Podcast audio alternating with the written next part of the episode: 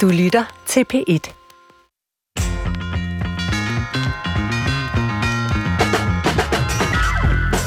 Det længere tabu at gå til psykolog eller besøge en psykoterapeut. Danmark er et af de lande i verden, hvor der er flest psykologer per indbygger, og de hjælper mennesker med alt fra alvorlig angst og depression og til problemer i parforholdet eller almindelig selvudvikling. Det er et stort marked, og der opstår løbende nye terapeutiske retninger. En gang var der psykoanalysen, som Freud havde skabt, og så kom adfærdsterapien, gestaltterapien, den kognitive terapi og forskellige psykodynamiske retninger. Og nu har vi så fået den såkaldt metakognitive terapi, som vi dykker ned i i dag. Og det gør vi dels, fordi den ser ud til at være ganske virkningsfuld, og dels fordi den kan tjene som eksempel på, hvordan psykoterapi udvikler sig, og som indblik i, hvordan psykologer arbejder i praksis. Og rigtig mange lyttere har ønsket at høre om netop denne psykoterapeutiske retning, så velkommen til en times radioterapi her på Brinkmans Brix. I det her øh, psykologiprogram, der taler vi egentlig ret sjældent om, hvordan psykologerne arbejder med klienterne i praksis. Men øh, som lægmand og tilrettelægger på det her program, Christoffer Heide Højer, hvad forestiller du dig så, at der egentlig foregår i det lukkede rum inde hos psykologen? Jamen, ligesom at det her hedder Brinkmanns Brix, så forestiller jeg mig jo en Brix, og at øh, ja, det er et lukket rum, hvor man beskæftiger sig med traumer, uforløst potentiale, negative spiraler og alt sådan noget, der skal forløses, fordi at vi alle sammen bærer på en, en, øh, et rigtigt menneske, der bare skal ud inden for os selv af. øhm, ja. Men lad mig høre, alvidende psykologiprofessor. altså, det er mig. Arbejder alle psykologer med det samme? Altså, er det det samme rum, man går ind i? De samme, øh, hvad kan man sige, muligheder, der, der er øh, ved at gå til psykolog? Altså, nej, alle arbejder ikke på samme måde. Det er jo derfor, der er de her forskellige retninger, øh, som måske egner sig dels til forskellige personer, men jo også til forskellige typer af problemer. Jeg ramsede nogle af hovedretningerne op der, men altså, der er jo i virkeligheden mange flere, som narrativ terapi, eksistentiel terapi, systemisk terapi osv. osv. Øh, der er efterhånden et, et langt og stort menukort. Så har man forsket rigtig meget i, hvordan de her forskellige terapier øh, fungerer, hvilken effekt de har, hvor godt de virker mod forskellige ting. Og meget ordnet, så kan man konkludere, at de faktisk er gode alle sammen, stort set, i hvert fald de anerkendte her, øh, og endda cirka lige gode. Øh, så selvom psykologer gør noget øh, forskelligt delvis, så mener man samtidig, at der faktisk er nogle fælles faktorer øh, på tværs, som er i spil, og som er virkningsfulde. Det handler om sådan noget som kontakt og tillid, alliancen mellem øh, psykolog og klient. Mm. Og så er det jo så det metakognitive til ja. i dag. Hvad ved du om det? Hvis du bare, øh, altså, hvad ved du? Altså, jeg er jo ikke praktiserende psykolog, og jeg er heller ikke øh, uddannet i psykoterapi, øh, så jeg må indrømme, jeg ved faktisk ikke så frygtelig meget ikke andet end, at den er blevet populær. Rigtig mange har efterspurgt øh, viden om den i, her i vores udsendelse. Og så er der faktisk også en del, der har sammenlignet den med noget af det, jeg skriver bøger ja. om.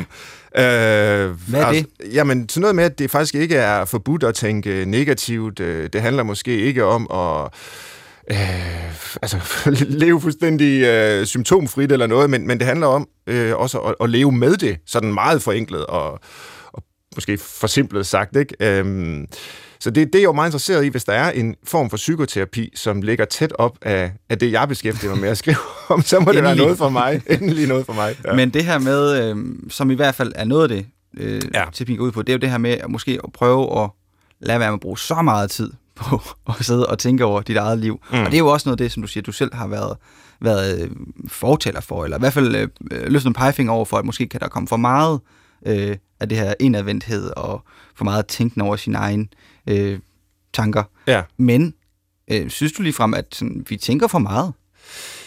Altså grundlæggende synes jeg jo egentlig nok, at vi tænker for lidt. Øh, jeg synes ikke, der er noget finere, man kan bruge sin tid på, stort set, end at øh, tænke over tilværelsens store spørgsmål. Altså, jeg holder jo meget, øh, som du også fik, Christoffer, af, af filosofien og, mm. og den arv, vi har fra de græske filosofer. Og der handler det jo om at tænke over de store spørgsmål. Det er ligesom det, vi kan som mennesker. Så måske handler det ikke om, at vi øh, skal stoppe med, med at tænke, men måske skal vi stoppe med at tænke så meget på os selv, på hvordan vi går og har det, på at gruble og ruminere, som psykologer kalder det. Og, og, og det er jo nok der, den metakognitive terapi øh, virkelig har noget at byde på øh, i forhold til at hjælpe os af med det. Det er måske det, som øh, gode gamle Søren Kierkegaard kaldte refleksionssyge. Altså hvis man går hele tiden og reflekterer over, hvem er jeg, er jeg god nok, hvad tænker de andre om mm. mig, hvad handler mit liv om, og i princippet hele tiden kan tage sit liv op til refleksion, øh, til overvejelse, så øh, kan det jo nok godt blive vanskeligt for de fleste. Men er det ikke det, vi har lært i, i mange år, og netop med det, psykologer har at tilbyde os, det er den her mulighed for at netop finde ud af, hvem er jeg, og hvad skal jeg med mit liv? Altså de her spørgsmål, som uundgåeligt vil, vil opstå hos, øh, hos de fleste. Jo, men det er vel heller ikke uh, dårlige spørgsmål at stille. Altså, hvad skal jeg med mit liv? Det synes jeg, der er et uh, uhyre væsentligt spørgsmål. Jeg tror ikke, det er det spørgsmål i sig selv, der giver mennesker problemer med angst og depression. Uh, men det, det kan vi jo finde ud af, ja, mm. hvad, hvad vores eksperter siger i dag, men jamen, jeg, jeg tror, det er lidt nogle andre typer af tanker, som er, er problematiske. Findes der forbudte tanker? Nej, ikke forbudte, hvis du spørger mig, og det gør du jo så. Altså, man er jo den eneste, der kender dem, medmindre man siger dem højt. Øh, men der findes jo nok dumme, dårlige og deprimerende tanker, og dem skal vi jo forsøge at undgå.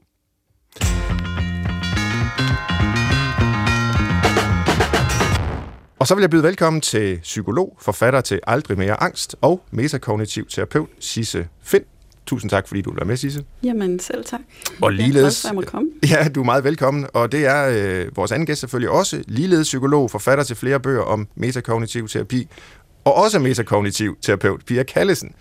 Tak. Velkommen også til dig, og vi skal jo sjovt nok tale om metakognitiv terapi. Øh, det er et ord, vi kommer til at sige mange gange her i dag. Og måske skal vi begynde med, og det vender vi jo så tilbage til øh, løbende på forskellige vis, men simpelthen at få selve begrebet afklaret lidt. Hvad er egentlig den metakognitive metode? Hvad består metakognitiv terapi i, øh, Pia Kallesen? Ja, den vender jo lidt op og ned på vores forestilling om øh, psykoterapi, for jeg kunne høre jer her i introen, at de forventer, ligesom man kommer ind, og så skal man det, vi kalder samgruble eller co-ruminere med sin terapeut. Øhm, og der vender det metakognitive det lidt på hovedet og siger, jamen det er faktisk al den her overtænkning, oversamgrubling, som vedligeholder de her triste følelser og, og angste tanker og følelser. Så det vi øver i det metakognitive er at begrænse vores øh, tanker og følelseshåndtering, sådan så de får fred til at selvregulere. Mm-hmm. Hvad ligger i de to ord, som begrebet er sammensat af, altså meta og kognitiv? Ja, hvis man tager kognitiv først, så kan man sige, at kognitiv terapi, det er det, vi kender som indholdet af tanker. Hvad vi tænker. Altså, hvad tænker vi? Jeg er god nok. Øh, verden er et hårdt sted. Hvad er det for nogle tanker, vi har? Ikke? Og så har vi så meta, det er jo så niveauet over. Hvad tror vi om vores tanker? Tror vi, der er nogen, der er forbudte? som du startede med at sige. Er der mm. nogen, der er dumme? Er der nogen, vi skal undgå? Skal vi skubbe nogle tanker ud af hovedet? Altså, hvad er vores forestillinger om vores tanker? Ja. Og det er dem, vi ligesom arbejder med i metakognitiv terapi. Så det kognitive, det er, hvordan vi tænker, hvad hvordan vi, tænker. vi erkender osv., og det metakognitive, det er... Hvad vi tror om vores tanker og tænkning. Hvordan vi tror, eller ja. tænker om tænkning. Ja, tror vi, det er ja. godt for os? Vi skal tænke os om, det er godt at reflektere, vi skal gøre det for at blive klogere. Altså, tror vi, det er godt at gøre? Og tror vi, vi kan styre det? Jeg kan ikke lade være med at gruble det. Jeg kan ikke styre det. De her spørgsmål kan jeg ikke lade være. Altså, mm. tror vi, vi kan styre det, ikke? Okay. Det er dem, vi arbejder med. Men det kommer vi til at dykke meget mere ned i, men øh, Pia Kallesen, nu du har ordet, så kan du måske øh, også ligesom oprulle, hvordan du selv øh, er kommet til at beskæftige dig med metakognitiv terapi. Du har jo lavet en PhD ja. om den her øh, terapiform. Hvad bragte dig til det? Altså, det var jo ikke noget, som jeg lærte om, da jeg læste psykologi Nej, det var det heller ikke, det jeg læste. i slut 90'erne. Overhovedet ikke. Jeg kendte slet ikke til det. Nej. Så jeg har jo været psykolog i over 20 år nu, og de første 10 år, der lavede jeg kognitiv terapi. Klassisk kognitiv terapi, hvor øh, ja, jeg havde overtaget en kognitiv klinik af en, øh, en gammel kognitiv, meget, altså meget stor person, og nu vil jeg kognitiv terapi. Og så halvvejs, så vil jeg gerne forske.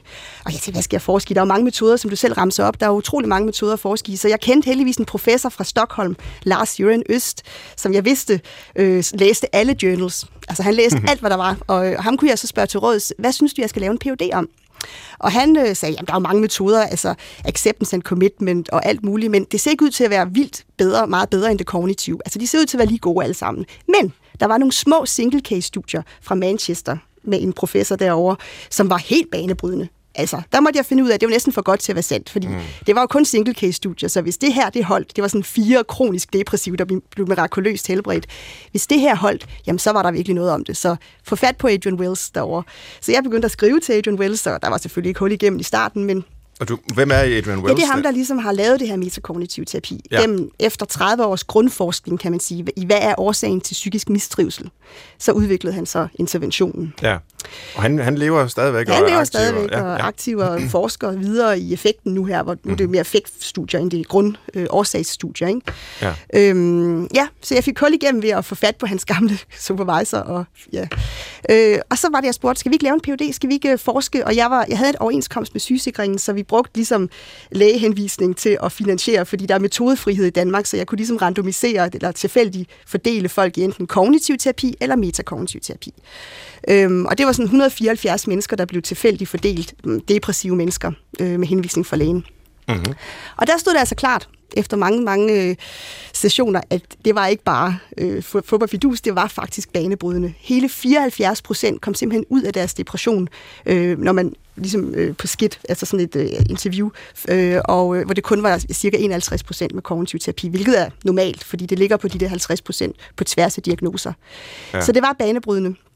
Øhm, og så var der jo ikke andet, for jeg kunne godt se, at det her var ikke bare et add-on, det var ikke bare en tilføjelse til kognitiv terapi, det var ikke bare lidt mindfulness, det her det var simpelthen en helt ny retning, som på mange måder var helt omvendt det kognitive. Så øhm, ja, så nu har jeg ændret navn i min klinik og hedder Center for Metakognitiv Terapi. Ja. Øhm, og gået all in på det. De her personer, du så inddrog i, i noget af det første forskning, du lavede, og, altså de, de har jo heller ikke kendt til den her terapiform. Nej. Ofte, når man er øh, klient hos en psykolog, eller patient, øh, hvis det er mere sådan øh, psykiatrisk, så har man måske en forestilling om, hvad der skal foregå i ja. samtalen med psykologen. Men, men, men de her klienter, øh, de har jo ikke kunne vide, hvad de gik Nej. ind til. Hvordan reagerede de ved at møde øh, sådan en helt ny metode? Det var her? meget forskelligt. Øh, det var meget forskelligt, og det var også før min bog blev udgivet, så, så der var ikke nogen, der kendte til det her metakognitiv. Og nogen, øh, jamen, de gik all ind på at begynde at gruble mindre, og fik det jo bedre og kom ud af deres depression super hurtigt. Men andre var meget skeptiske, og jeg kunne sådan se i slutningen af første session, så kunne jeg sådan se på dem, når de så sådan meget, øh, skal vi lave en ny tid, og de bare så på mig, ej, det tror jeg faktisk ikke, vi skal. Øh, så kunne jeg godt se, det var virkelig ikke det, de havde forventet, fordi du spurgte jo ikke ind til mine problemer, vi snakkede jo slet ikke slet ikke om skilsmissen eller aborten. Øh, de var lidt frustrerede. Men det jeg så ligesom, øh, kunne man sige, jeg, altså løste det med, det var ligesom at fange de her mennesker, så de ikke bare droppede ud. Mm. Og fange dem til sidst og sige, ved du hvad, skal vi lave en aftale om, at nu nu, nu øver vi lige på det her med at bekymre os og gruble mindre, og så på femte, femte gang, så dykker vi ned, hvis du stadig har lyst til det. Altså, nu okay. får du lige bedre først, nu, nu går du lige med på min intervention, og så her fire femte gang, så lover jeg, at så dykker vi ned i din historie og din barndom og alt det, du gerne vil dele. Og det kunne de godt gå med til. Så gik de ligesom med på det kompromis og blev i behandlingen, kan man sige. Men er det en del af den metakognitive terapis metode, at man en, også dykker ned i uh, forhistorien? Nej, nej, og det, der var interessant, det var jo så, da vi så ligesom på fjerde gang, øh, da jeg så tilbød dem, nu, nu havde jeg jo lovet dig, at vi skulle dykke ned i den her abort og så videre, jamen så ville folk ikke, så havde de fået smag for det her grublefri liv, og så havde de faktisk slet ikke lyst. Altså så nej tak, øh, det, det venter mm. vi til, det, det har jeg faktisk slet ikke lyst til. Men, men hvis jeg ikke havde lavet den aftale, så var de måske droppet ud, ikke? Lad os vende tilbage til det her punkt, fordi jeg ved jo, det er noget, som metoden også er blevet kritiseret for af, af fagfælder og kolleger. Øh, det her med at sige, at den er egentlig mere en symptombehandling, end den tager fat i, i problemets grundlæggende rod, nemlig det, der er sket for personen osv. Men det, det vender vi tilbage til. Sisse Finn, jeg vil også gerne høre lidt om øh, din vej til at blive metakognitiv øh, terapeut. Fordi det var jo heller ikke ligefrem noget, der var på pensumlisten, da du blev uddannet. Hvad, hvordan stiftede du bekendtskab med det her? Mm, nej, bestemt ikke. Og som udgangspunkt har jeg jo også arbejdet, eh, faktisk ikke som kognitiv terapeut, men mere inden for det her sådan mere hermeneutiske, fortolkende, analyserende, hvad kan man sige, univers. Jeg har arbejdet mere med, med det systemiske narrativ, og også faktisk med psykodynamisk terapi. Så, øhm, så når jeg øh, er endt med at arbejde med metakognitiv terapi, så skyldes det faktisk, at min vej ind var gennem klientstolen. Mm. Så jeg har jo siddet øh, i, i stolen som, som klient, som stressram, og har været ligesom eksponeret for, påvirket, udsat for den her terapi. Og, øh, og det er det, der for mig gjorde, at jeg tænkte, det, det, det, det er simpelthen nødt til at fortsætte med. Der er ikke, øh, altså, det var ligesom point of no return. Jeg kunne ikke gå tilbage og arbejde med den måde, jeg tidligere havde arbejdet på. Så du mødte det som... Øh Ja, klient, patient. Ja, det, ja. det gjorde jeg. Øhm, jeg var på det tidspunkt øh, i, i, i en, jeg havde en periode i mit liv, hvor jeg havde en, en faktisk en masse virkelige problemer på den måde, at jeg var ked af mit arbejde, jeg var træt af mit arbejde, og øh, det, det, vi havde også problemer på hjemmefronten, ægteskabet knirkede, og, og alt det bekymrede jeg mig jo naturligvis om. Øhm, jeg gjorde det bare i en helt ekstrem grad. Altså, jeg tænkte, jo, jo mere jeg kan komme rundt om det her i tankerne og bekymre mig om det og analysere det, jo hurtigere kan jeg også ligesom komme frem til en måde at, at løse det her på. Og jeg så det egentlig ikke som et problem, men jeg havde det problem, at jeg begyndte at få nogle fysiske symptomer. Jeg begyndte at have svært ved at trække vejret. Jeg, jeg var overbevist om, at jeg havde et, et mavesyreproblem af en, af en art. Og søgte min, min læge, og jeg blev selvfølgelig undersøgt. Det er det, læger gør. De undersøger en, øh, tager fat i symptomet, og jeg blev undersøgt altså, i hoved og røv. Og, og da man ikke kunne finde ud af, hvad der var, øh, så gjorde det mig sådan set ikke mere lettet, fordi symptomerne var jo en realitet, så nu bekymrede jeg mig bare endnu mere. Ja. Og, øh, og en eller anden dag fik jeg fortalt lægen om, om den her, de her problemer, jeg havde, og hun foreslog prompte, at jeg, jeg sagde, du har stress, du skal sygemelde dig, og så får du en henvisning til psykolog og en recept på lykkepiller. Og det var helt ekstremt voldsomt for mig at få den besked, fordi jeg synes, det var meget, meget overvældende. Altså her havde jeg jo nogle, nogle virkelige problemer, og, og kunne, det, altså, kunne man få det så dårligt af at have nogle, nogle psykologiske, altså psykiske, praktiske udfordringer i sit liv. Ja. Så det var meget, meget voldsomt, og jeg, jeg blev sindssygt forskrækket, og, øhm, og på en måde havde jeg ikke rigtig lyst til at tale med en psykolog, fordi det vidste jeg jo godt, hvad de var for nogen, og hvad de kunne, og det var, var ikke det, jeg havde sådan den, den, i virkeligheden den store tiltro til. at tænke, øh, hvis der er nogen, der kan ligesom få øje på mine svagheder og begrænsninger, begrænsninger så, øh, så er jeg den bedste. Altså, jeg, øh, så, så overgår ingen mig selv. Jeg kan øh, løbe cirkler rundt om folk, der mener, jeg har et problem. Øh, og, øh, og, og, og til mit held, så var jeg også, jeg var øh, i forhold til det her med at tage lykkepiller, jeg, jeg var meget, meget overrasket over, at det var sådan det første, jeg fik tilbudt. Og, og til, til mit held, så turde jeg simpelthen ikke at, at tage en pille, der fuckede med min hjerne. Øh, mm. Jeg tænkte, også fordi der var ikke nogen forklaring på, okay, hvad, hvad er så mekanismen, der har ført til, at jeg er ked af mit arbejde, til at få det så dårligt, at jeg nu skal til at tage noget, noget psykofarmaka. Så jeg tænkte, jeg, jeg, må finde, jeg, jeg må til bunds i det her. Jeg, jeg vil tilbage og have kontrol over den her situation, og finde ud af, hvad er det for nogle mekanismer, der er på spil, siden jeg, jeg får det så dårligt. Mm. Så i, men fordi jeg blev ved altså, med at have det skidt, jeg gik derfra og var fuldstændig øh, slukøret, så til sidst så kastede jeg håndklædet i ringen, og først så bookede jeg en, en, en, en, øh, en session hos en, en, en, i går så en almindelig psykolog, eller en psykolog, som var ekspert i stress, angst og depression. Og hende, vi sad og ventede og drejede mit liv i håbet om ligesom at finde frem til, til den her øh, ene ting, der ligesom havde fået læsset til at vælte i den grad, og jeg, jeg kunne virkelig ikke forstå det, fordi jeg synes, at godt nok, altså, jeg, jeg synes, jeg har haft mange problemer i mit liv, men aldrig nogen, jeg, altså, som sådan det har gjort mig øh, så dårlig og givet mig de her symptomer. Fordi nu, nu begyndte jeg jo også at få nogle angstsymptomer. Mm. Øhm, og øhm, jeg var simpelthen bange for, at øh, netop det her med, at de sagde, at jeg var syg, øhm, eller jeg havde stresssygdom, og jeg var så ja. dårlig. Og, øh, og vi sad sådan og ventede og drejede mit liv, og vi kunne ikke rigtig finde frem til, til noget, og, og, og jeg begyndte sådan...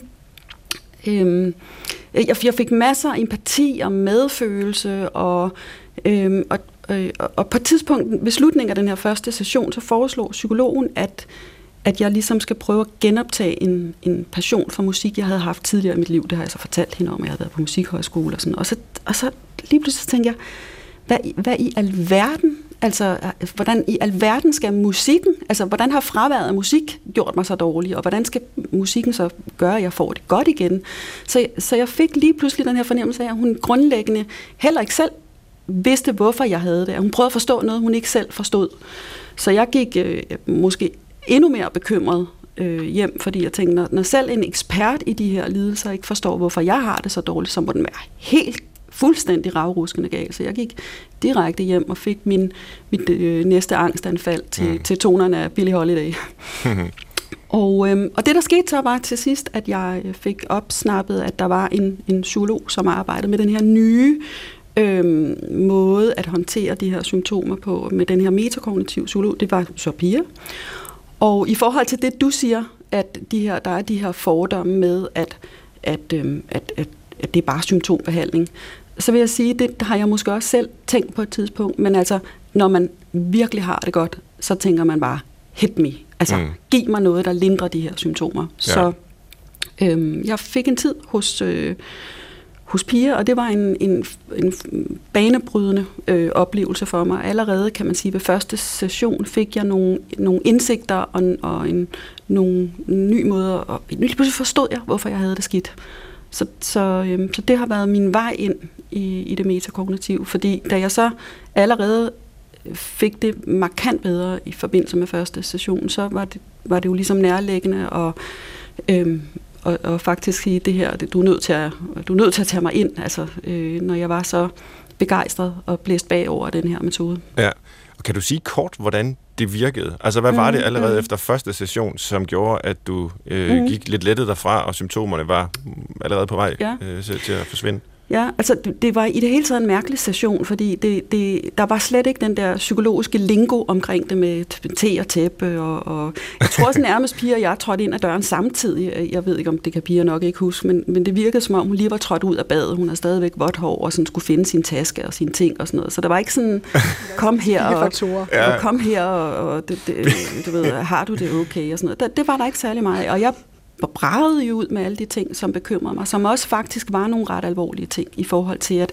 alt var i opbrud, både privat og, og professionelt. Så, og, men Pia var ikke særlig nysgerrig for ligesom at gå ind i det her ting, og så sagde hun noget til mig, som øh, øh, nærmest var som at få sådan skudt en, en blitz direkte i, i fjeset. Hun sagde, altså alle de der bekymringer, hvordan får du det, når, når du, du bekymrer dig? Og så sagde jeg, jeg får det jo virkelig, virkelig dårligt. Altså jeg får jo hjertebanken og trykken fra brystet.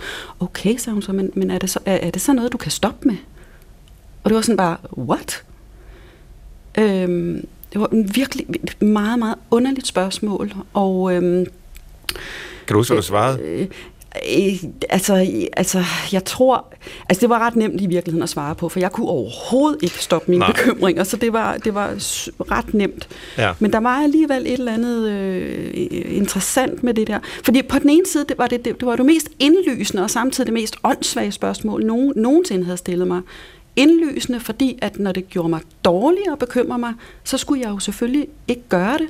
Det var jo indlysende. Men, men det var jo også indlysende, at jeg bekymrede mig, fordi jeg jo virkelig havde nogle ting at bekymre mig om, som ikke var små ting. Så det var et meget interessant spørgsmål. Og, ja, man kan øh, sige, altså for nu at komme med sådan en øh, måske lidt naiv indvending, mm. så kunne det jo netop være det, at mennesker ofte, og måske også dig, Sisse, i det her tilfælde, faktisk har noget at bekymre sig om. Ja. Altså har det ikke også en funktion, at vi går og bekymrer os? Ja. Øh, altså tænker over, hvad det er for et problem, vi har. Måske kan det lede til, at vi faktisk løser problemet, i stedet for, at vi bare skubber bekymringen væk. Hvad hvis vi bekymrer os om øh, noget, der er farligt, og vi mm. så lærer, at vi ikke skal bekymre os om det, så er det jo stadigvæk farligt. Nu markerer Pia. Mm, ja, ja. ja. Nå, jeg, jeg vil bare lige sige, jamen, altså, bare fordi lidt er godt, er meget jo ikke nødvendigvis bedre. Nej. Så, så det her med, med mådehold, ikke? Altså et glas rødvin er måske okay, men 10 ja. flasker, så bliver man dårlig. Og det er lidt det samme bekymring. Det kan være fint lige at planlægge, forberede sig, men gør man det 10 timer, så bliver man altså angst. Ja. Mm. Så det handler simpelthen om, om mængden af bekymring, mm. kan man sige.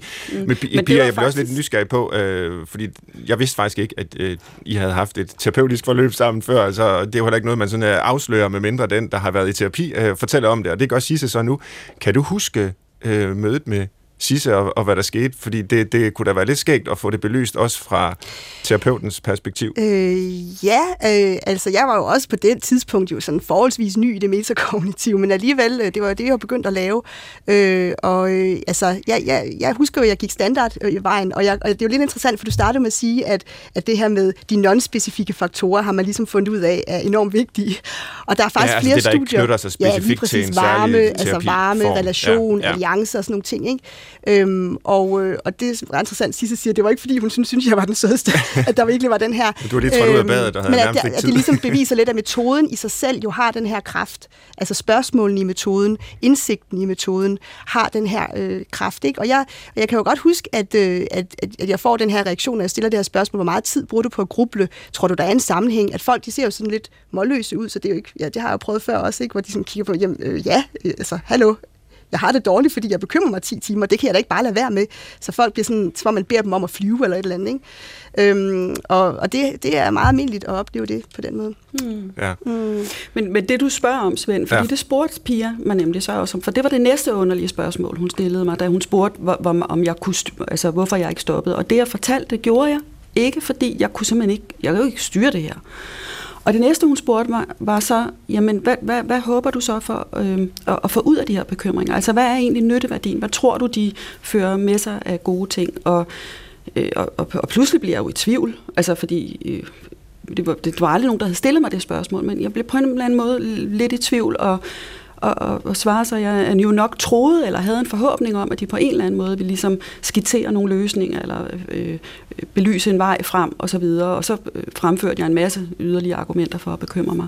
Og det, der var så sjovt, det var, at Pia jo så opsummerede og sagde, okay, så, så jeg kan altså høre, at du, du har nogle Altså en ting er, at du bekymrer dig, øh, men, men du har også nogle overbevisninger om de her bekymringer. Du tror noget af det, noget om det. Du tror, at dels tror du, du ikke, du ikke kan styre og kontrollere dem, og, og dels så, så, så tror du, at du ligesom også er nødt til at bekymre dig.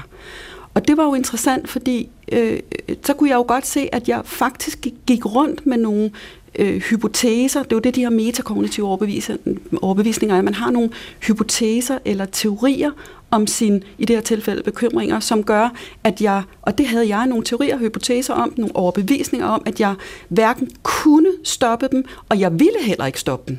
Og det gjorde, at jeg var låst i de her bekymringer. Så selvom de gav mig angst, så, så, så ville jeg ikke stoppe dem, og, øh, fordi bare tanken om at stoppe den gav mig angst, for så fandt jeg jo ikke en løsning. Omvendt øh, kunne jeg faktisk heller ikke, når jeg havde for meget angst og gerne ville stoppe den.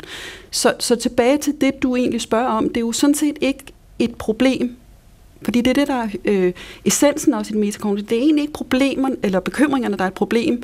Problemet er, hvis vi tror, de her, har de her hypoteser om dem, at de er ukontrollerbare, og vi nødvendigvis er nødt til at gøre det hele tiden. Mm. Så, det, så det, hvad vi tror om dem, der er problemet. Bekymring er aldrig i sig selv et problem. Mm.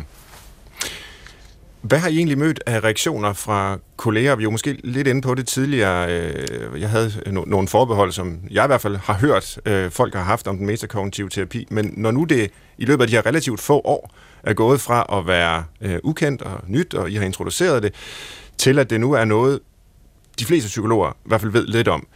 Hvordan har mm. øh, standen reageret, øh, Pia det er, jo, øh, det, er jo, det er jo meget forskelligt. Altså det, altså, det er jo lidt delt vande på den måde. Mange synes jo, altså hvis de først prøver det, eller ligesom laver den her behandling på klienter, som virkelig rykker, mm. ja, så bliver man jo hooked på det, fordi ens fornemmeste opgave som psykolog er jo at få folk ud af depression, få folk ud af angst. Det er jo det, vi er her for.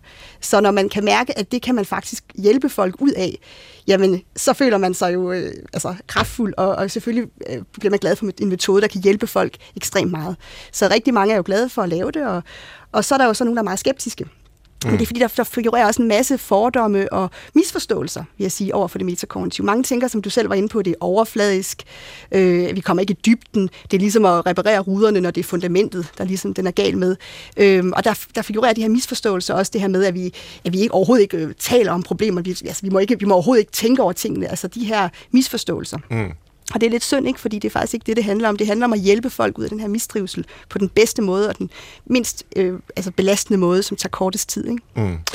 Og noget af det lyder jo egentlig som snusfornuft. Altså jeg synes, at det, I beskriver her, det er noget, jeg kan høre mig selv øh, ligesom sige til mine børn, når de øh, har et eller andet problem, og netop går og bekymrer sig og sådan noget, og hvad tænker, hvad synes jeg, oh, det bliver aldrig bedre, osv. så. Ej, hold nu op med at bekymre dig. Ikke? Det er sådan noget, vi kan sige til hinanden, mm, mm. Øh, og, og måske altid har gjort. Ja, men, det sagde men, min far også. Ja. Men nu den lort være, for jeg grublede også helt vildt meget, og så gik jeg hjem, og jeg ærgede mig over noget, jeg havde sagt, og så siger min far til mig, Pia, nu lader du den lort ligge, fordi hvis du bliver med at pære rundt i den, så lugter den. Problemet var bare, at det var tilbage i 80'erne, ikke? Ja. Han viste mig ikke, hvordan. Nej. Så, så, så det, det, det kan man sige, den metakognitive terapi bidrager med, ja. øh, og, og give nogle konkrete øh, Hvordan gør man værktøjer, ja. Ja, instrumenter ja. til at uh, lade være med at, at, at mm. pille i lorten. Ikke? Det er jo Som det, du fordi siger, ja. min far havde et god råd med, at nu har han hørt længe nok på det, men han viste mig jo ligesom ikke, hvad er så teknikken. Mm. Fordi mange tror, så skal vi skubbe tankerne ud af hovedet for at stoppe med at bekymre os, men det er faktisk ikke den rigtige teknik. Mm. Det bedste er at gøre ingenting, altså være dogne over for vores tanker og følelser. Mm. Og, men, men det er jo nemt at sige, men jeg går ud fra, at det er vanskeligt at gøre. Nej, fordi du gør hvad? det i forvejen ved de fleste tanker. Øh, bare ikke Hvordan dine det? følelsesmæssige. Jamen, du har sikkert haft en masse her til morgen, har du ikke det? Har du ikke haft en masse tanker her? Hvor mange tanker har du haft her til formiddag? 27. 27, ja. Har du grublet på alle 27 tanker? Eller er der nogen, du har gjort ingenting ved? Øhm, af de 27? Jeg sad i bilen herop og ja. grublede lidt over, at nu skulle vi sende live i dag, og det har vi ikke gjort mm. længe, og hvordan ville det måtte gå? Og har du også haft godt nok forberedt? Om, ja, nu skal jeg have kaffe, eller nu skal jeg, altså hvor er kaffe? Altså, tænker nogle sådan lidt tanker, du ikke har gået videre i, som du ikke har hoppet på? Ja, som er figureret igennem. Jeg har faktisk for nylig læst om, og det synes jeg, jeg kan genkende fra mig selv, at jo ældre man bliver, desto flere tanker har man om, at der er ting, man gerne vil gøre, som man så glemmer at reagere på, altså glemmer at udføre. Øh, hvorimod, når, da man er yngre, mm. så, så er man bedre til ligesom at få gjort det, man tænker, man gerne vil. Mm. Ja, ja, det, ja, i hvert fald pointen er bare, at du har gjort det i forvejen. Det er ikke noget nyt, du skal lære. Du skal ja. ikke lære det her nye. Det, det er noget, du gør. Jeg er doven i du forvejen. Skal jo bare, du er doven for de fleste tanker, fordi du, ja. du synes ikke, de er vigtige. Men hvis der kommer en, lad os sige, en vigtig tanke, hvorfor sagde min kone det i går? Eller, ja.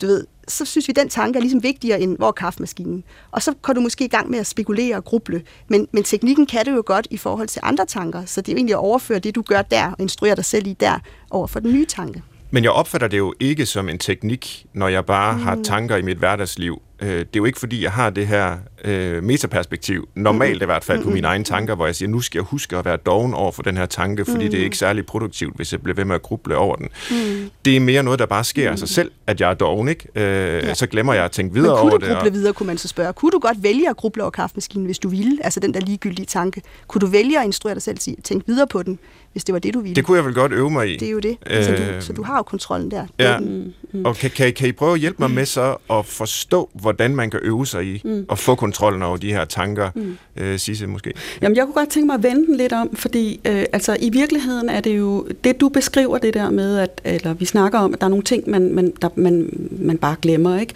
Og, og normalt glemmer vi netop tanker, og ikke fordi vi bruger mm. en bestemt teknik. Altså, det er jo derfor, vi ikke kan huske på næste mund, ikke? Altså, ja. vi går ind for at købe noget, og så kan vi, kommer vi uden det, fordi vi kan ikke huske det. Og det er den normale måde, tanker så at sige opfører sig på. Problemet er netop, når man begynder at få psykiske problemer, så holder man op med at tillade det at ske. Man, man giver faktisk de negative tanker sådan meget bevidst de får foretrædet for ens opmærksomhed hele tiden. Man aktivt vælger at prioritere dem, og de bliver sådan på den måde en form for en movie stars i vores bevidsthed. Så, så når man har et psykisk problem, er det mere, at man aktivt bliver ved med at opsøge og, og, og brygge på de her negative tanker. Mm. Så man skal faktisk lære at have, opføre sig med den, hvad kan man sige, den samme øh, uerbødighed over for dem, som de her alle mulige ligegyldige tanker. Mm. Øh, fordi man kan reagere på samme måde øh, over for alle, øh, alle tanker. Og så, jeg, jeg tænkte bare lige på også det, du sagde før, Svend, med... Øh, Altså, øh, øh, det her med at, at åh, lad ting ligge. Ikke? Det er jo i virkeligheden, den metakognitive tænkning er jo på mange måder øh, kondenseret i det begreb, vi bruger som er pyt. Mm. Ikke? Der, det, det, det er jo det, vi snakker om, pyt. Det ser ja. vi, det, der er det meget anerkendt og okay at bruge. Så, øhm, så den her skeptis i forhold til, at, at, at metakognitiv er symptombehandling, jeg tror, at vi skal tilbage til noget, som du sagde indlednings, indledningsvis omkring Søren Kirkegaard, der sagde, at man at man kunne have den her grublesyge. Der, hvor metakognitiv terapi har sin berettigelse, det er, at folk med psykisk lidelse, i hvert fald når man tager de metakognitive briller bog, det er, at de har lige præcis en bekymringssyge. Og, og, og så, så det er ikke sådan, at vi sidder med, en for, øh, med folk, som ikke har de her ukontrollerbare bekymringer og bare bypasser alle deres virkelige problemer. Men, men der er masser af metakognitiv terapi, ikke kan bruges til. Altså Øh, hvis man ikke har de her øh, uhensigtsmæssige metakognitive overbevisninger, og måske har brug for at netop vende, jeg er lige blevet skilt, hvad kunne være nogle gode måder at, at, at, at for os som forældre være, øh, fordele den her øh, deleordning med børnene på, eller man skal have afklaret nogle værdier, så kan man sagtens tale om de ting. Problemet er bare, at har man overdrevne, ukontrollerbare bekymringer, overtænker, som man ikke kan styre, så er det ligegyldigt, hvad man snakker med sin klient om, hvad man kommer frem til, for de kan alligevel ikke lade være at tvivle på det. De kan alligevel mm. ikke lade være at bekymre sig om det. Og så er det den del, det, det er der metakognitiv kommer til sin ret, så at sige, fordi så er det bekymringssygen som, som sådan, man, man skal tage fat i. Er det sådan en generaliseret pyt til Ja, lige præcis. Jeg, jeg mærke til, Pia, du, du ja, reagerer... Ja, ja, det er fordi, jeg hører tit, jeg hører tit øh, altså så skal vi sige pyt, men det er faktisk, øh, det er fordi mange, når man så spørger, hvad mener du med pyt? Jamen det er noget med at blive lidt mere pytagtig over for de her økonomiske problemer, man har, ægteskabet, der er ved at gå, bryde sammen, altså øh, pytte det. Øh, og, og det er, sådan som jeg forstår pyt, i hvert fald ikke det metakognitive, i forhold til, at vi, vi netop godt må, ting må godt betyde noget. Altså mm. vi må godt være vildt frustreret over den dårlige økonomi, og, og vi behøver ikke sige pyt til, at vores kæreste har været utro. Altså det handler meget om at kunne styre styre og opdage, at man kan styre de her grubleprocesser. Det er ikke sådan uanset, en buddhisme, hvor man hæver sig over uanset, alt i verden, der bare bliver ligegyldigt. Vel? Ja, altså, der nej, er noget, der betyder noget. Der er noget, der ja. ikke er pyt. Altså, det vil sige, øh, kæresten er faktisk utro, og det er faktisk ikke i orden. Altså, det er faktisk en livskrise. Det er faktisk en eksistentiel livskrise. Fordi så tror jeg, man, man kommer til, hvis man ligesom tænker, øh, så skal det sige pyt. Altså, det, det, det bliver svært for folk, og det er meget det kognitive med ligesom at, at, at ligesom blive ligeglad med ting, eller mere ja. pytagtigt. Jamen, sådan forstår jeg Nej, okay. pyt. Altså, sådan forstår Nej. jeg det ikke, fordi jeg forstår det mere som, nogle gange gør vi jo noget dumt, og det gør vi, fordi det gør man, når man er menneske. Ikke? Nogle gange så kommer man til at råbe af sine børn, eller virkelig kveje sig, eller, eller gøre noget pinligt.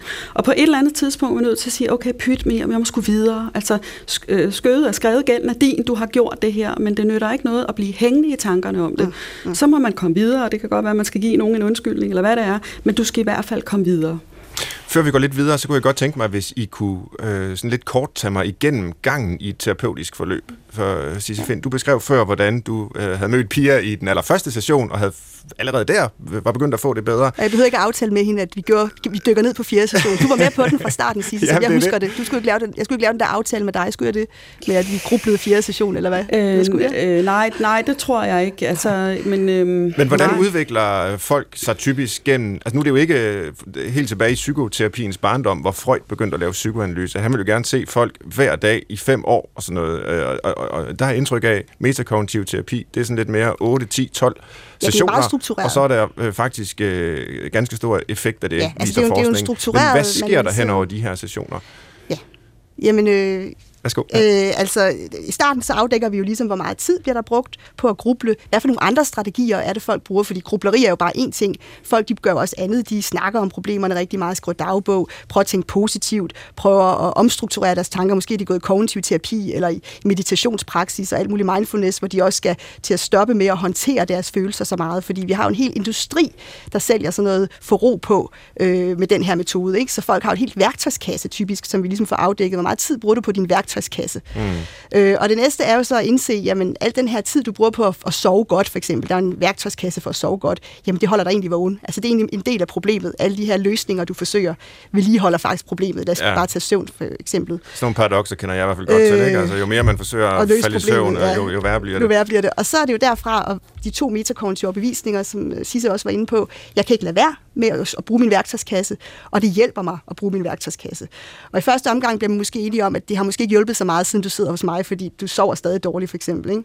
Øhm, så, øh, så hvad siger du til, at vi prøver en ny strategi? En minimalistisk gør ingenting. Og det er jo helt, what, gør ingenting? Altså, vi mennesker vil jo gerne have redskaber i værktøjskassen, ikke? Så, så det virker helt angstprovokerende at fjerne værktøjskassen. Mm.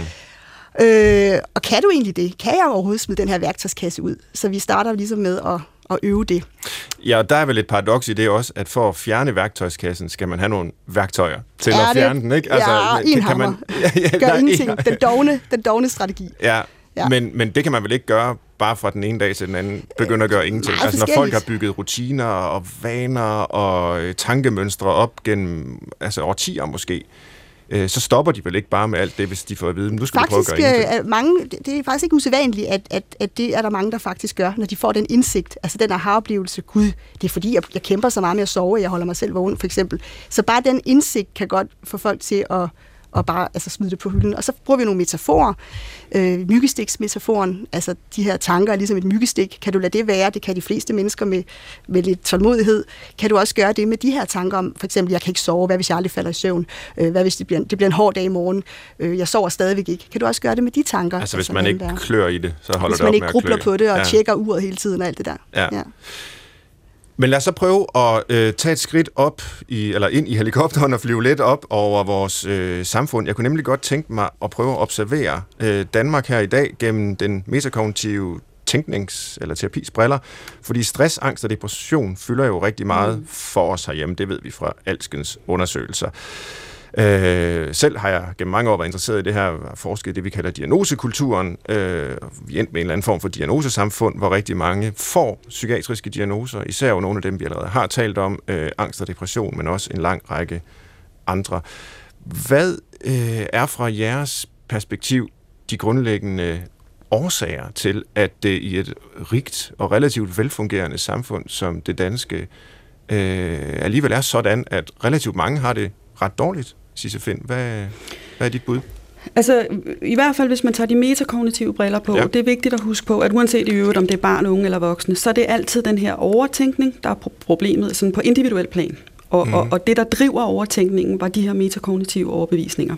Så, så det, dem, dem starter man jo altid med, i, i hvert fald i terapi og arbejde med på et individuelt plan, kan man sige. De, de her overbevisninger, det er dem, man går ind og omstrukturerer i, i terapien. Men det, som jeg synes, der er interessant også, øh, Øh, og der, hvor den ikke må stoppe, det er at sige, okay, men hvis, hvis, hvis problemet er de her metakognitive overbevisninger, så er det jo også sindssygt interessant at kigge på, jamen, hvor kommer de så fra? Altså, hvor, hvor, hvor, øh, hvor, de dukker, hvor dukker de op henne? Og det kan godt være, at der ikke er sådan nogen specifik forskning i det, og, og, og, man, og noget, man kun kan gisne om, men det, men det kan man så. Og, og jeg er ikke i tvivl om, at øh, hvad kan man sige, noget af det, som jeg også ved, du arbejder meget med, med samfundets struktur, hvor spiller det en rolle, at der er nogle strukturer i samfundet, som øh, altså er med til at fremme de her overbevisninger, og dermed er med til at gøre os os, os sårbare. Jeg tror bare, at problemet ligger nogle andre steder i strukturen, end de steder, man normalt kigger hen for at få øje på problemerne. Og et eksempel på det kunne være, at for eksempel så, altså den, den klassiske måde at forstå, for eksempel stress, som jo er noget af det, der fylder rigtig, rigtig meget i dag. Det ser man sådan traditionelt som en ubalance øh, mellem opgaver og ressourcer, og, mm. og derfor handler indsatsen også om at bringe det her forhold i balance. Men det forudsætter jo, at krav og ressourcer eksisterer som sådan nogle øh, absolute øh, størrelser, noget objektivt, man ligesom kan balancere af. Og, og det er altså en opfattelse, som, som hører industrisamfundet til. Altså den, den stressløsningsmodel, hvor man kunne balancere de her krav og ressourcer af, det fungerede rigtig fint i industrisamfundet, men, men i et, et moderne videnssamfund, hvor vi ikke har nogen speci- altså hvor kravene ikke er objektive, og det alt er baseret på selvledelse, hvor vi ikke længere har et veldefineret ansvar at leve op til, men, et, men faktisk et hyperansvar i forhold til selv hele tiden at finde ud af, hvad der er ansvarligt, så, så dur den model ikke. Øhm, og Men er det den form for individualisering, ansvarliggørelse, som måske begynder allerede i børneårene præcis. med måden, vi har institutioner på og folkeskole på osv., der leder til overtænkning, konstant selvreflektion, ja, grubleri eller, eller hvad? Altså det er jeg ret sikker på ja, spiller en rolle. Ja, ja altså jeg vil jo nærmere, jeg, jeg vil nærmere sige, at vi kan ligesom ikke øh, rammeoptimere os ud af det her, fordi som vi, når vi ser det nu, så kan man sige, hvis man, ser, hvis man tager, lad os sige, øh, 10 øh, elever i en, en, en klasse, som fungerer rigtig dårligt, der er ikke rigtig, øh, de er individualiseret, så er det ikke alle, der bliver stresset, alle, der bliver depressive. Nej. Så jeg tænker, at Øh, hvad er det så, hvis det ikke er det? Altså, fordi vi kan ikke ramme optimere os ud af det her. Hvis vi nu for eksempel siger, at vi har det perfekte samfund. Corona er udryddet, der er ikke nogen syge mennesker, kraft findes ikke, øh, din mor er sød, du har venner, du har masser af venner. Vil du stadig kunne gruble, hvis det var det? Altså selv hvis du mm. havde de mhm. perfekte rammer, kan du forestille dig det? Mhm. Konen elsker dig, alt er godt. Vil du stadig kunne gruble, hvis det var det, du havde tendens til? Og der mm. tænker jeg, ja, det ville du godt kunne. Så også 10 timer, hvis det skulle være det. Så jeg tror ikke, vi kan ramme optimere os ud af sådan et grubleproblem her. Øhm, men vi kan måske lære vores unge, for eksempel, eller vores børn, at det er muligt at styre de her grubleprocesser, fordi ligesom min far der med, lad nu være med at gruble, han lærte mig jo ikke, hvordan jeg så skulle gøre. Og det er jo ligesom det, der er, der er kunsten, ikke? Altså, jeg har en, selv en, en søn på 10 år, som jeg, som jeg, som jeg kan se gøre det her, ikke? Altså, han, han blev lovet en is, da vi var til sådan en reception, og der var ikke nogen is i fryseren, da de kom derud. Han var vildt skuffet, og så kan man sådan høre, at han sådan instruerer sig selv lidt. Åh, oh, lad tanken være. Og så var der nogen, der sagde, tag en Cola Zero i stedet for. Ja. Fokuser på Cola Zero, du ved. Mm. Så han, han kan sådan også håndtere sine følelser og tanker, og det er jo det, vi skal lære vores børn, at de kan. Mm.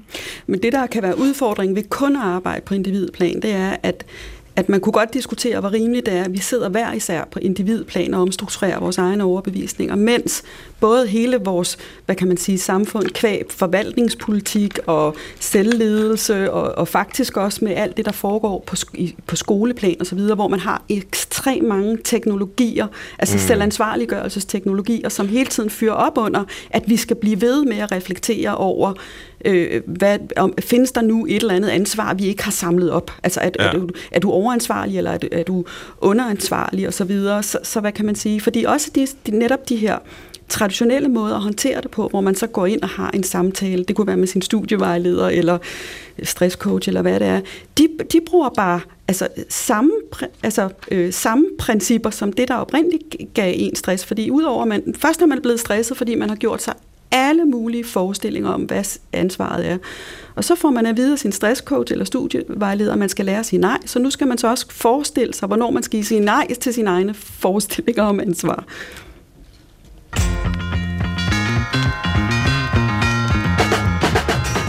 Du lytter til Brinkmanns Brix, der er tilbage i klassisk forstand med vidende gæster og masser af nysgerrige spørgsmål. Og vi sender endda direkte her i dag. Og psykolog og metakognitiv terapeut Pia Kallesen og psykolog og også metakognitiv terapeut Tisse Find sidder klar sammen med mig.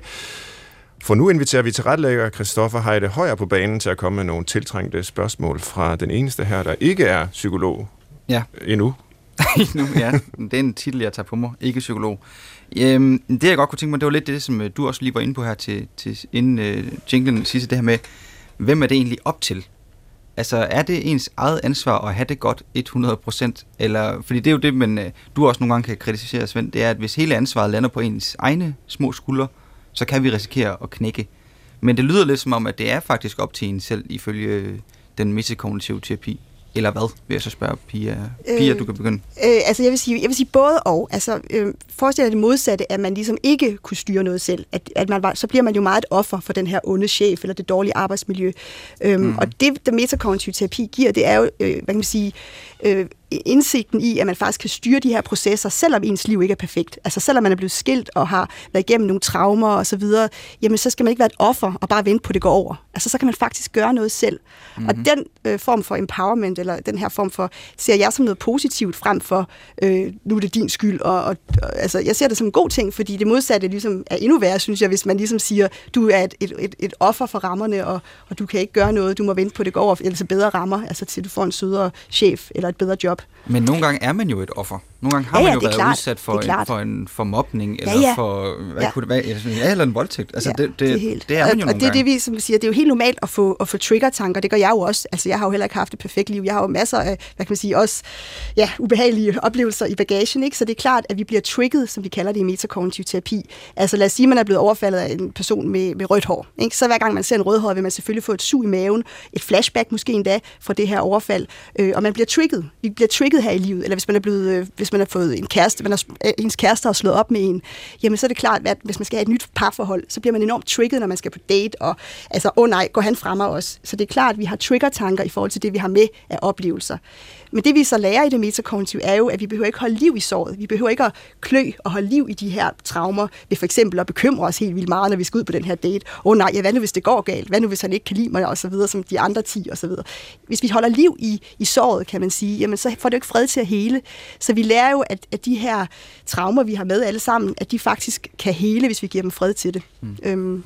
Og altså, Sisse, nu har du skrevet en mm. bog her om, om, angst, at, øh, at det kan man slippe for et liv uden. Men er det simpelthen øh, altså er det et tilbud om sådan one size mm. fits all, alle kan komme og slippe for deres angst, eller hvad er ligesom mm. perspektiverne? Mm. Fordi det, det lyder næsten for godt. Ja, altså det, det refererer det her med om one size fits all, det er jo en generisk model, kan man sige, så, så på den måde gælder det de, næsten øh, de fleste psykiske lidelser. Jeg arbejder jo kun med stress, angst og depression, men jeg vil bare lige sige, at vi skal bare huske på, at, at i konceptet øh, individuelt individuel terapi, der har vi allerede placeret øh, aben, altså hos individet. Og det er jo, det er jo værd at tænke over øh, på den måde, uanset hvilken metode man bruger. Ja. Ellers så skulle man slet ikke lave individuel terapi. Men jeg synes, det er fint nok, at man arbejder på individuel plan, men vi er også nødt til at kigge på, hvor, hvor kommer så alle de her selvdisciplinerings, altså alle de her selvteknologier, som fyrer op under, at vi bekymrer os. Altså selv børn i dag, de sidder og spiller, øh, hvad hedder det, sådan nogle trivselsspil og e-, empati-bingo øh, og alt muligt, som, som gør, at de skal lære at reflektere fra en meget tidlig alder. Og mærke efter. Og, og hvis man, altså hvad kan man sige, og, og hvis, hvis det man altid kommer med en intervention, hvor man bare skal tænke mere, så der kommer den traditionelle psykologi lidt til kort. Og der synes jeg, det måske er, kunne være meget sjovt at kigge på, at hvordan nærmest alle industrier inden for de sidste 20 år har formået at, at på en eller anden måde genopfinde sig selv for at sikre sin relevans i en, i en verden under konstant forandring. Det her informationssamfund, hvor vi bliver tæppebumpet med ting, vi hele tiden kan og skal forholde os til, samtidig med, at der er krav om os, at vi forholder os til det hele. Ikke? Det kan jo kun gå en retning, og der kunne man godt være lidt fræk og spørge, om, om psykologien har siddet lidt for isoleret i sit elfenbenstårn og, og sådan stadig klamrer sig til sine traditioner, til trods for en uhyggelig og eksplosiv udvikling i antallet af folk, der har behov for behandling. Fordi i et samfund, hvor der er så mange øh, psykologer, som du var inde på til at begynde med, Svend, øh, mange flere end nogen steder i verden, og hvor flere og flere bliver behandlet for psykiske lidelser, så skulle man jo tro, at behovskurven på et eller andet tid, på tidspunkt vil knække, og det er der ingenting, der tyder på. Og derfor er det et interessant spørgsmål også at sige, okay, jamen som psykologer er det vores job at forstå og behandle den måde, mennesker tænker på. Mm. Men hvad hvis måden, vi psykologer tænker på, også er forældet og forkert? Altså, hvad hvis det er selve psykologien, der mangler en ny måde at tænke på? Altså, jeg ved det ikke, men man kunne måske nuancere sin brug af metoder, øh, så der var, man brugte noget, der passede lidt bedre i den her globaliserede øh, verden, hvor vi hele tiden får at vide, at med evalueringskultur og øh, ufiltreret viden til børn og unge om jordens undergang osv., osv. Om, om vi nødvendigvis skal konfrontere det hele hele tiden. Men vil I være tilfredse, hvis metakognitiv terapi var et... Nu lærer alle psykologer, der bliver uddannet, jo ret mange forskellige øh, metoder skal det være endnu en i rygsækken, eller skal det være den eneste? Det er vigtigt, vi lærer, altså på studiet for eksempel, vi lærer, at der er flere veje til Rom, ikke? og det vil der altid være. Det vil aldrig kun være metakognitiv terapi, der vil altid være flere veje til Rom, og det virker jo heller ikke for 100 procent. Altså 80 procent, øh, der bliver kommet ud af diagnosen, er jo ikke 100 procent, så der er jo også øh, plads at, altså, til andre metoder, det er klart. Øhm. Ja, jeg mener slet ikke, at, at metakognitiv terapi er relevant i alle sammenhænge. Nej. Altså, øh, Øhm, altså, det er ikke alt, der handler om øh, overtænkning. Nej, overtænkning. men jeg vil sige, hvis nej. det er noget angst, depression osv., så, så, så er det en god mm. måde. Men jeg, kan jeg få lov til at tråden op der for det, du var inde på, øh, Sisse? Fordi jeg synes, det er... Altså, hvis nu spidsformulerer jeg så det, du siger, og mm. det er mm. ikke for at lægge dig ord i munden, det, det er noget, jeg selv siger, fordi mm. det er måske lidt provokerende i forhold til psykologstanden. Men allerede øh, kan jeg huske, at jeg læste om, da psykoanalysen for 120 år siden begyndte at blive udviklet i Wien ikke, af Freud, der var der nogle iagtager, der sagde, jamen altså psykoanalysen er i gang med at skabe de problemer, for folk, som den så bagefter kan blive brugt til at løse. Altså det her med at sidde inde i terapirummet, tænke over ja. sig selv og sit eget liv, og nærmest gruble nogle problemer frem, der ikke behøvede at have været der. Og så har det sådan set været en vedvarende kritik af psykologi som en form for psykologisering ja. Ja. lige siden. Øh, Carsten René Jørgensen, øh, min kollega, der er professor i klinisk psykologi på Aarhus Universitet, har skrevet en hel bog om psykologien i senmoderniteten, mm. der egentlig også handler lidt om, at vi kommer til gennem psykologiens blik og psykologisere alle de her problemer, så psykologien og terapierne sådan set er medansvarlige for at have skabt det her lidende, ja, øh, selvrefleksive, konstant øh, grublende, overvågende subjekt. Og, og så er på den ene side jo den metakognitive terapi, et, og det har jeg jo fortalt om den seneste times tid her, et frisk pust, der siger, jamen vi skal sådan set en helt anden vej. Vi skal ikke tænke mm. mere over alle de her ting, vi skal bare uh, tænke mm. mindre. Stop altså med det. Men på den anden side, så sidder jeg alligevel lidt mm. med Øh, og det var også det, du var inde på sige før, tror jeg. Mm. Altså lidt med en, en frygt for, at den er så stærk, den her individualisering og psykologisering af vores problemer, at også den metakognitive terapi kommer til at spille ind mm. i det. Mm. Altså mennesker mm. i prekære, marginaliserede positioner, de kan lære noget metakognitiv terapi, og så kan de sidde og holde det ud i den position, de er øh, lidt længere tid, frem for at vi sammen forsøger at skabe et bedre samfund, hvor, ja. hvor folk så ikke udvikler de mm. her øh, lidelsesformer. Og så er vi tilbage med, med det, jeg begyndte med, nemlig risikoen for symptombehandling. Mm. Mm. Ja, det, I skal selvfølgelig have lov at svare. Nu er det jo ikke, nu er det jo ikke enten eller. Altså, nu er det ikke sådan Netop, enten nej, eller. Nej, det er jo ikke sådan enten eller på den måde. Jeg vil bare, pointen før var jo bare, at, at hvis vi, vi kan jo ikke bare ramme optimere os ud mm. af det her. Men det er klart, at rammerne kan jo ikke bare være elendige. Det er klart, at vi prøver, skal altid prøve at optimere rammerne, og det skal vi have overskud til. Men hvis vi alle sammen grubler os selv til at blive stresset og sygemeldte, så, så er der ikke overskud. Der er nogen, der, der har kræfter til mm. at ændre på de her strukturer og problemer i samfundet, for eksempel. Så, så det vigtigste er jo, at vi, vi først og fremmest får overskud til det, og det gør vi jo ved ikke at overbelaste os mentalt ved at gruble for meget hele tiden. Ja. Hmm. Ja, altså det handler jo heller ikke om at fjerne, så at sige, det man kunne sige, der egentlig var den nødvendige angst og smerte, som livet nu øh, øh, øh giver os, men, men den der sådan mere øh, hvad kan man sige, unødvendige, som kommer af overtænkning. Og det gælder jo også, hvis man har mange problemer. Jeg havde jo masser af problemer. De løser på ingen måder ved, at jeg holdt op med at bekymre mig. Slet ikke. Jeg havde, problemerne stod fuldstændig altså, øh, frisk tilbage, men jeg havde bare ikke nogen, jeg havde bare ikke stress, og jeg havde ikke nogen angstsymptomer.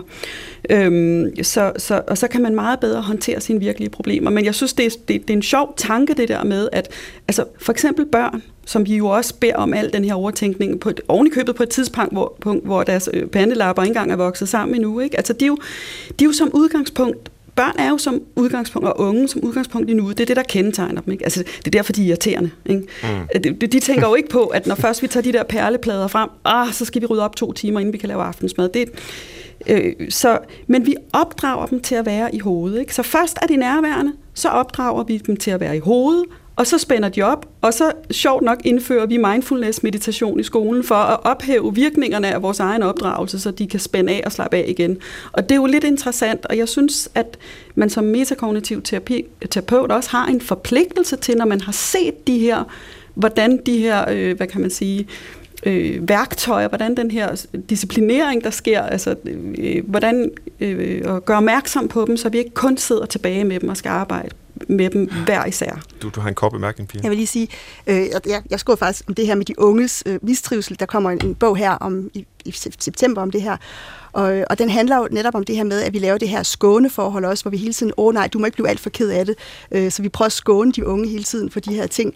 Plus vi hele tiden prøver at putte redskaber på i værktøjskassen, mm. ikke? og fylde alle mulige mærke efter redskaber. Så det er rigtigt, hvad Sisse siger. Vi skal jo også kigge lidt på, hvad er det for nogle, hvad er det, vi, vi viser vores børn? Hvordan opdrager vi dem? Opdrager vi dem til at sige, stærke følelser er farlige. Du kan ikke håndtere dine trigger-tanker. Du kan slet ikke styre de der grublerier, så pas du heller på med at, at have for meget i kalenderen og så videre, fordi det kan du slet ikke styre. Øh, og viser vi dem, at det er godt at reflektere rigtig meget. Du skal virkelig ære dig for at, du skal virkelig give dig selv en langtidsrøv fuld for at lære dine fejl, eller lærer vi, siger vi til dem, vil det være to minutters ærgelse er lige så effektiv som 10 timers ærgelse, ikke? Vi kommer helt sikkert til at vende tilbage til mange af de her problematikker i øh, senere udsendelser. Men her til allersidst, fordi vi er meget tæt på at skulle runde af, så vil jeg høre jer, om I har nogle hurtige inputs til vores øh, traditionsrige liste, hvor vi vender tingene lidt på hovedet, og i dag efterspørger tre gode råd til at overtænke alt i sit liv. Hvis ja. man bare vil sidde og gruble dagen lang, hvad skal man så gøre? øh, altså det vigtigste er jo, at efter man har hørt det her, at man så begynder at spekulere helt vildt meget over, om man har grublet for meget. Og, ah. om, altså, det, kunne være, det kunne være det første, ikke? man begynder at tænke rigtig meget over det. Hvis man så indser, ja. gud, det har jeg, jeg har brugt alt for meget tid på at spekulere, så begynder man at ærge sig over det. Ikke? Så, så, så går man sådan en ærgelsesgrublemode. Så gruble over, om du grubler ja, for og så kan det være, at man begynder at bekymre sig om, om man nu kan styre det. Kan man nu finde ud af at styre det? Og måske dilemma-grublerier, som jeg møder rigtig meget. Skal jeg, skal jeg gå i metakognitiv terapi? Skal jeg ikke gøre det? Skal jeg, skal jeg gruble mere? Skal jeg gruble mindre? Altså, hvad, hvad skal jeg gøre i mit liv for at... Altså, sådan ja. dilemma-grublerier, ikke? Det lyder som en Woody Allen-film, du beskriver øh, der. Ja, så det, det skal man bare gå all in på, 10 ja. timer mindst. Så noget med at gruble over, endda over, om man grubler, bekymrer sig om ja. det, og jeg ved ikke, præcis om du har Ja, jamen, input. tre råd. Ja, altså, start med at problematisere det indlysende. Ikke? Ja. Altså, er det egentlig så indlysende? Hvem siger i virkeligheden, du elsker dine børn, når det kommer til stykket? Er det ikke i virkeligheden bare et narcissistisk øh, arkitekttegnet selvbedrag? Ikke? Så stil en masse spørgsmål og prøv at besvare det.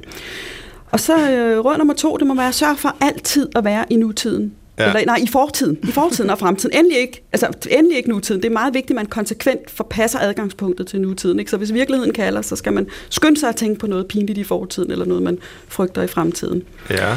Og så til sidst, prøv at få styr på dine tanker, altså lave mental hygiejne. Sørg for kun at have de positive tanker, og de realistiske, og tro på dem hele tiden. Hold det negative ude. Tusind tak. Øh, det er super god råd, og øh, det var alt, hvad vi nåede her i Brinkmanns Brix på b i dag. Det var en fornøjelse at nørde psykologi sammen med jer. Pia Kallesen, psykolog, og Sisse Find, ligeledes psykolog og begge to metakognitive terapeuter.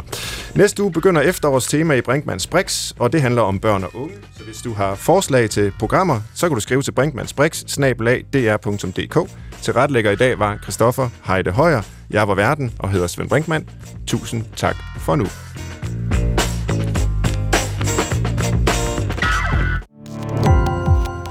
Gå på opdagelse i alle DR's podcast og radioprogrammer. I appen DR Lyd.